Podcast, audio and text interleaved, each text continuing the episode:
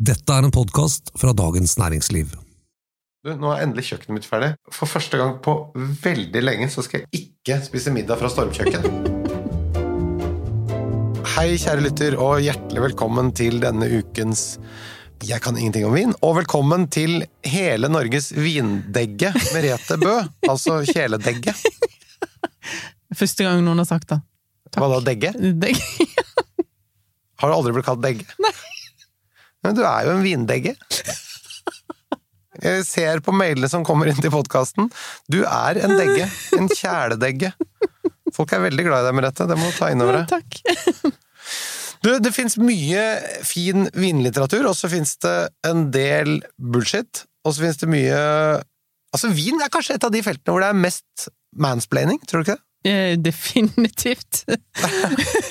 Men det fins også noe veldig kul vinlitteratur, og jeg må si magasinet Nobel Rot Mm. syns jeg er veldig kult. De snakker om vin både på en forståelig og spennende og ganske sånn usnobbete måte, og så belyser de en del nye trender og stiler. Når det kommer til deg og vinlitteratur, Merete, hvor mye leser du? Forbausende lite. Hvorfor det? Eh, Nei, altså, jeg har jo Jeg har jo lest masse, men det har jo vært mer sånn nerdete faglitteratur. Eh, fordi at når jeg konkurrerte som vinkelner og sånn, så las jeg jo sju timer om dagen i noen år. Så det var jo ganske sånn intens lesing, men da bare, var det jo bare fakta, fakta, fakta. Eh, jeg leser Dette er jo litt kanskje pinlig å si, og innrømme òg, men jeg leser Andre anmeldelser leser jeg aldri. Jeg tenker jo litt sånn, hvis jeg leser at Decanter eller Wine Spectator eller noen av mine norske kollegaer mener dette og dette om vinen, altså, jeg tror ikke jeg hadde blitt påvirka, men jeg eh, liker greit å ikke ha den tvilen i det hele tatt. Så hvis de hadde sagt at jeg gir 100 poeng til den vinen, og jeg tenker at det er 85, så er det 85 for meg og 100 for Wine Spectator. Og det skjer jo. Vi har jo snakket om det mange ganger, og vinanmelderi, det, det skal jo være objektivt, men jeg må jo si at eh, jeg i hvert fall har vært opptatt av å prøve å identifisere hva slags eh, stil liker denne vinanmelderen, og ikke minst også selvfølgelig hvor kompetent er vedkommende. Så, så både det objektive nivået vil jeg gjøre en vurdering av, men jeg vil også gjøre et lag av en sånn stilmessig vurdering, for eksempel da den amerikanske kjente vinanmelderen Robert Parker, som uh, The Wine Advocate, Mm. som jo på mange måter har revolusjonert vinanmelderiet. Ja, det var han som innførte karaktersystemet, ikke minst. Ja, altså dette 100-poengssystemet. 100-poengssystemet, som jeg bruker sjøl. Han gjorde det litt mer sånn til allemannseie, da, kan man si. Han påvirket jo også hvordan vinene ble laget, fordi at når han ga høy score, så solgte vinene mye, og han hadde jo en egen smak og stil for vin. Ja, altså, han var jo en amerikansk mann. Ja, og nå må du utdype hva som ligger i det. Nei, amerikanere er jo har jo en liten tendens til å like ting litt stort og litt søtt og litt alkoholrikt og litt kraftig, og, og alle viner som hadde alle disse elementene, fikk høyere score. Og han ble jo mest kjent for å skrive om Bordeaux, i hvert fall i starten. Eh, Og Bordeaux er jo egentlig en ganske kjølig vinregion eh, i vinens verden, og hadde lav alkohol. Men så kom det noen varme årganger på begynnelsen av 80-tallet, deriblant 82, som var en fantastisk årgang i Bordeaux, men kanskje enda mer fantastisk i Robert Parker sine øyne, som, som ga 82 som tiden, altså det, det var hans store gjennombruddsårgang, da. Eh, og når de produsentene i Bordeaux så at de bare tok helt av, og solgte og fikk mer og mer penger for vinene sine, så begynte de å skjønne at eh, hvis Robert Parker liker vinen min, og jeg får 100 poeng, altså jeg kan jo triple og tidoble prisen, ikke sant? Og da, da retter de seg etter det. Men jeg tenker jo det at det er verdt å sette seg litt inn i, både her i Norge, hvilke, hvilken stil har eh, de ulike anmelderne, og hva slags vinstil liker de? Fordi, fordi det, det påvirker noe, selv om det skal være objektivt, en objektiv vurdering. Men det er vanskelig å være helt eh, objektiv, selvfølgelig. Og så har du litt med Folk bruker da karakterskalaen litt forskjellig. Noen er strengere, noen er litt snillere. Det var et ganske langt sidespor. Men i dag snakker vi altså om growers.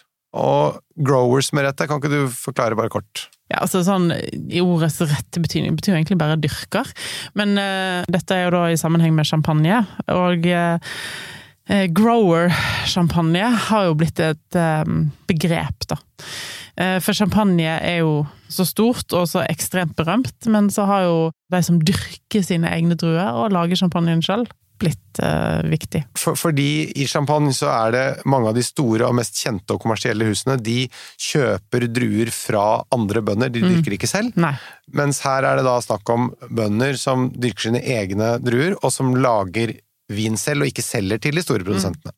Vi snakket jo om champagne i en tidligere episode, og vi har sammenlignet med Prosecco og, og Cava, men i dag så tenkte jeg at vi skulle da fokusere på champagneprodusenter, og da på disse grower-produsentene. Mm.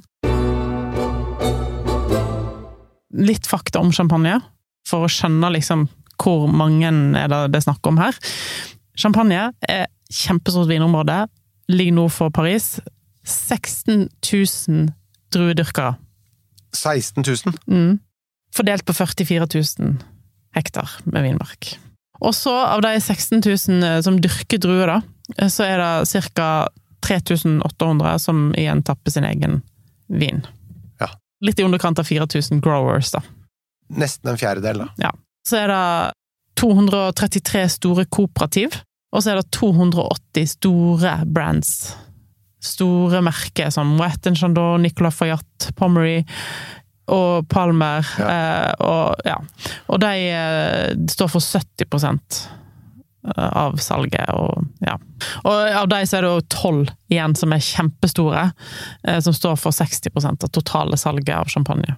Nettopp, så det er egentlig noen ganske få veldig, veldig store som dominerer eh, det meste. Mm. Men det fins altså da en del veldig spennende enkeltting, og som tenker produsenter som tenker mer som en vinprodusent i eksempel Burgund, mm. og som kanskje identifiserer seg mer med dem enn mm. med uh, champagneprodusenter. Uh, og det er de vi skal snakke om i dag, mm. nemlig Grower champagne. Og Det som er så utrolig fint, at vi sitter i Norge har Vinmonopolet, at utvalget av Grower champagne er enormt i forhold til resten av verden. For hvis du går på en vinbutikk hvor som helst ellers i verden, så får du nesten bare de store husene. Mens i Norge så har vi ingen unnskyldning til å ikke kjøpe de små. For dette her er det mange tilgjengelige. Og dette, det kan være veldig godt. Veldig godt. hvis vi bare skal si nå innledningsvis, hvis du skulle forklare forskjell i stil på en av disse store, kjente produsentene med et kjent merkenavn, eh, og en eh, grower-stil, hva, hva vil du si er hovedretningen i forskjell? Ja, det, er veldig generelt spørsmålet litt, men jeg skal ja, prøve. Eh, et kjent eh, champagnehus har jo ofte sin egen husstil. Eh, og når de lager en non-vintage, som er deres standardkuvé, så prøver de jo alltid å etterstrebe at den skal alltid smake likt fra år til år. For det har ikke noe årgang på etiketten, og det er husstilen der. Så da kan noen tilfeller være ganske sånn avslipt og litt kjedelig, og ja, ganske sånn straight champagne. Hos growers så kan du få ofte bedre konsentrasjon, føler jeg, for druene har alltid hatt det stort sett litt bedre. Det er ofte litt bedre kvalitet på druematerialet. Friskere syre, ofte litt lavere dosasje. Kanskje litt mer eikepreg hos noen. Ja, mer karakter.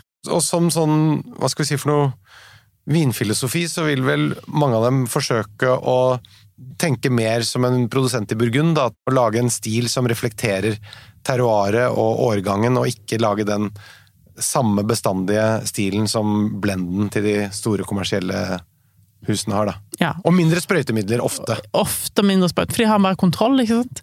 Altså Hvis du er da et ektepar da, som, som driver da en familiegård og lager 30 000-40 000 flasker champagne i året, du har jo mye mer kontroll enn Moët Chandon som kjøper jeg vet ikke hvor mange tusen leverandører de har, og lage mange mange titalls millioner flasker i året. Pluss at du må jo også i større grad stå for produktet ditt.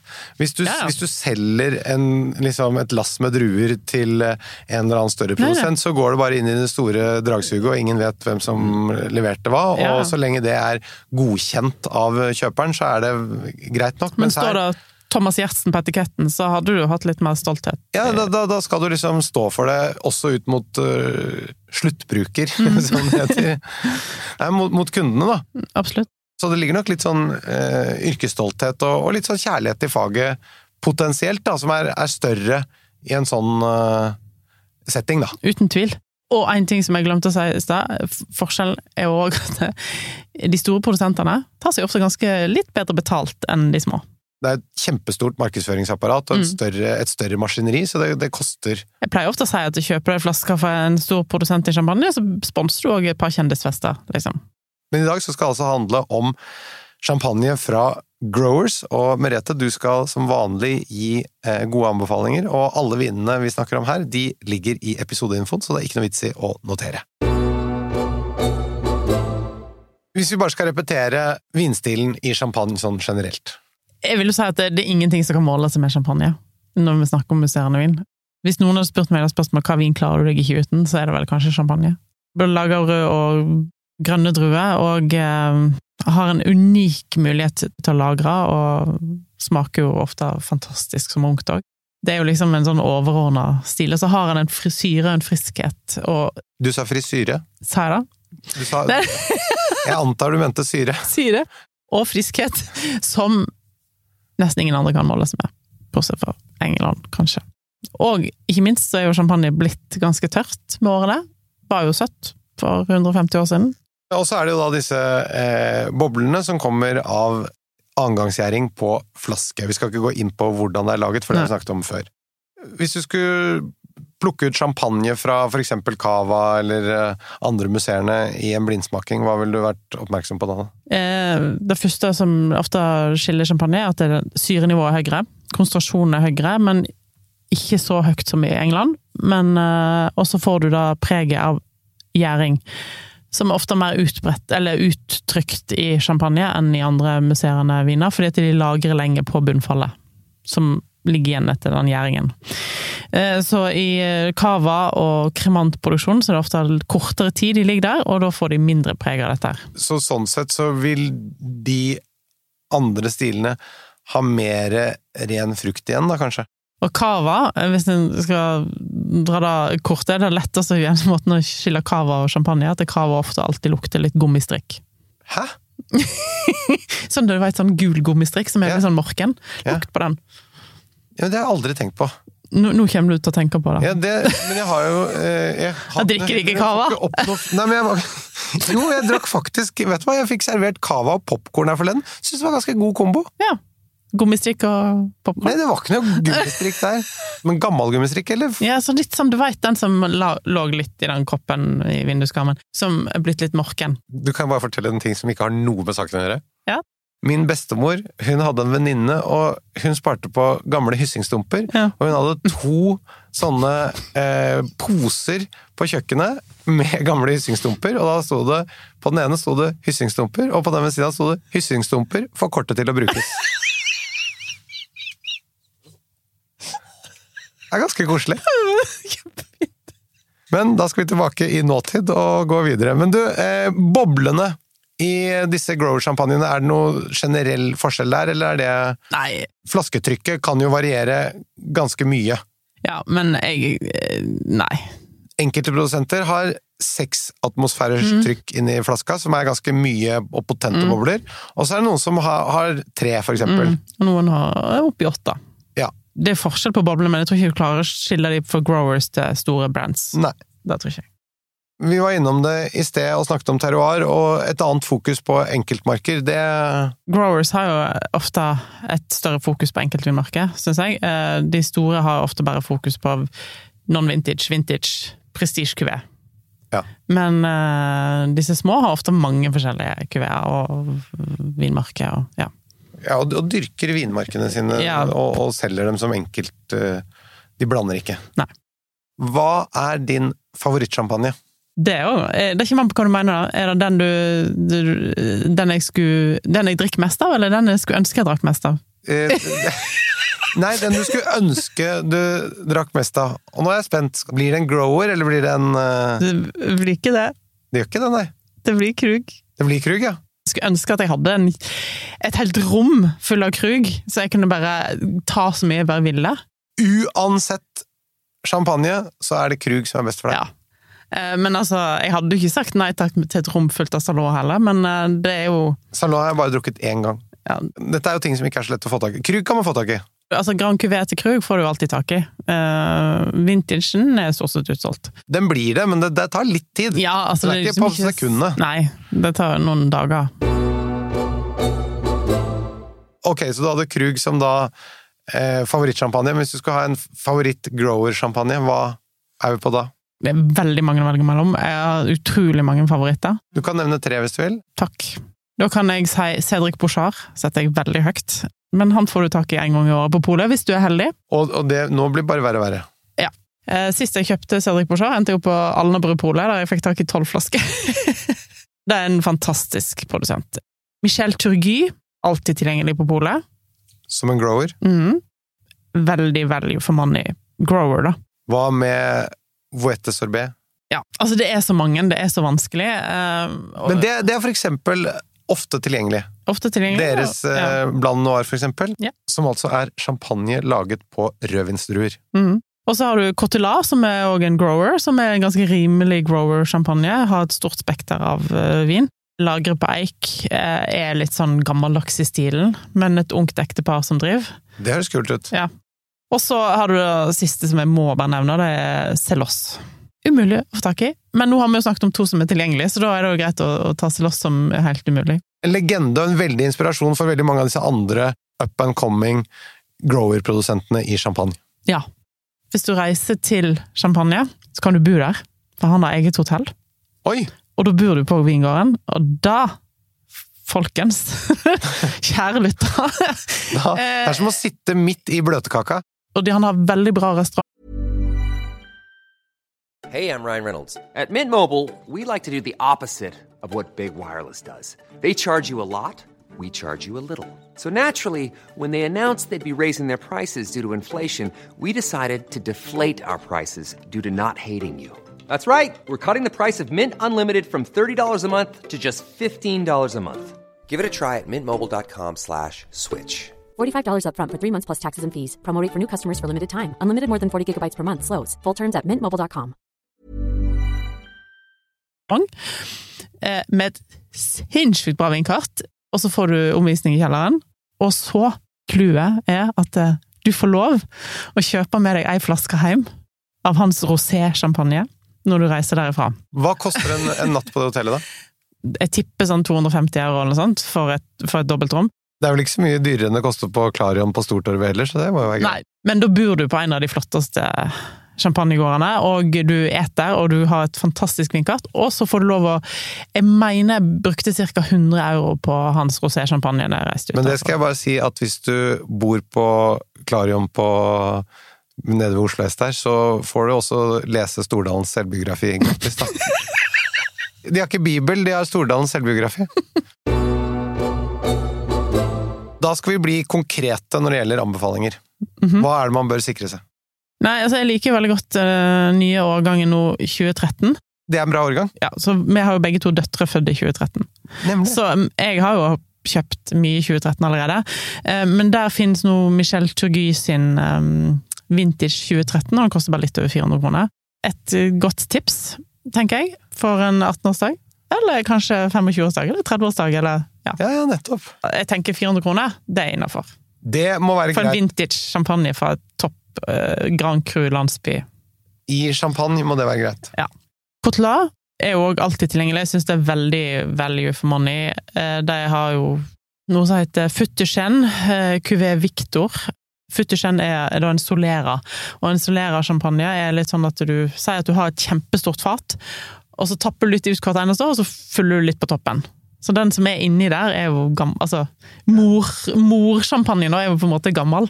Eh, så da får du en litt sånn moden stil.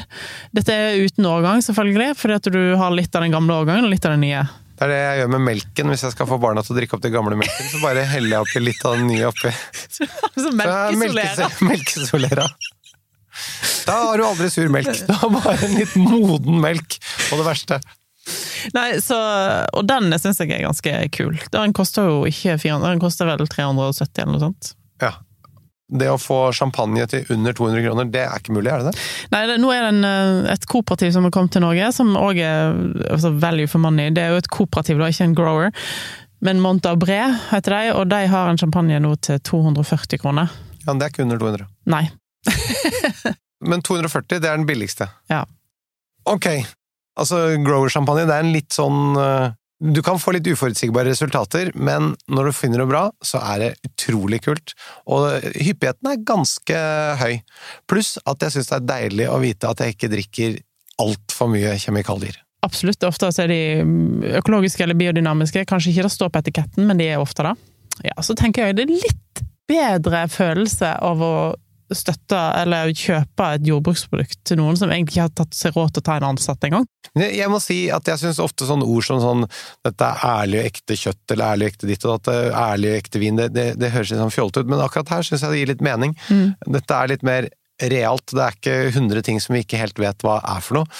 Så det er litt uh, kortere mellom, og den svarte boksen er litt uh, mindre og mer gjennomsiktig. Men selv om vi ville drukket Krug, da, som er en del av verdens største luksuskonsern. Ja. Så, så mye for det. Så mye for, eh, så mye for de gode verdiene og det ekte og det ærlige. Det var alt vi hadde for i dag. Eh, Vi høres igjen om en uke. Hvis du har spørsmål, send oss det til vin.dn.no. Denne podkasten er produsert av Feelgood for Dagens Næringsliv. Vi høres igjen. Hva skal du lage? Jeg skal se på været. Hvilken temperatur er det? Ja. Hvis det er 20 grader, så har jeg ikke lyst på Tung viltgryte med fløtesaus. Nei, nei, nei. Da blir det hvitvin og fisk. Været er viktig. Det er masse å si.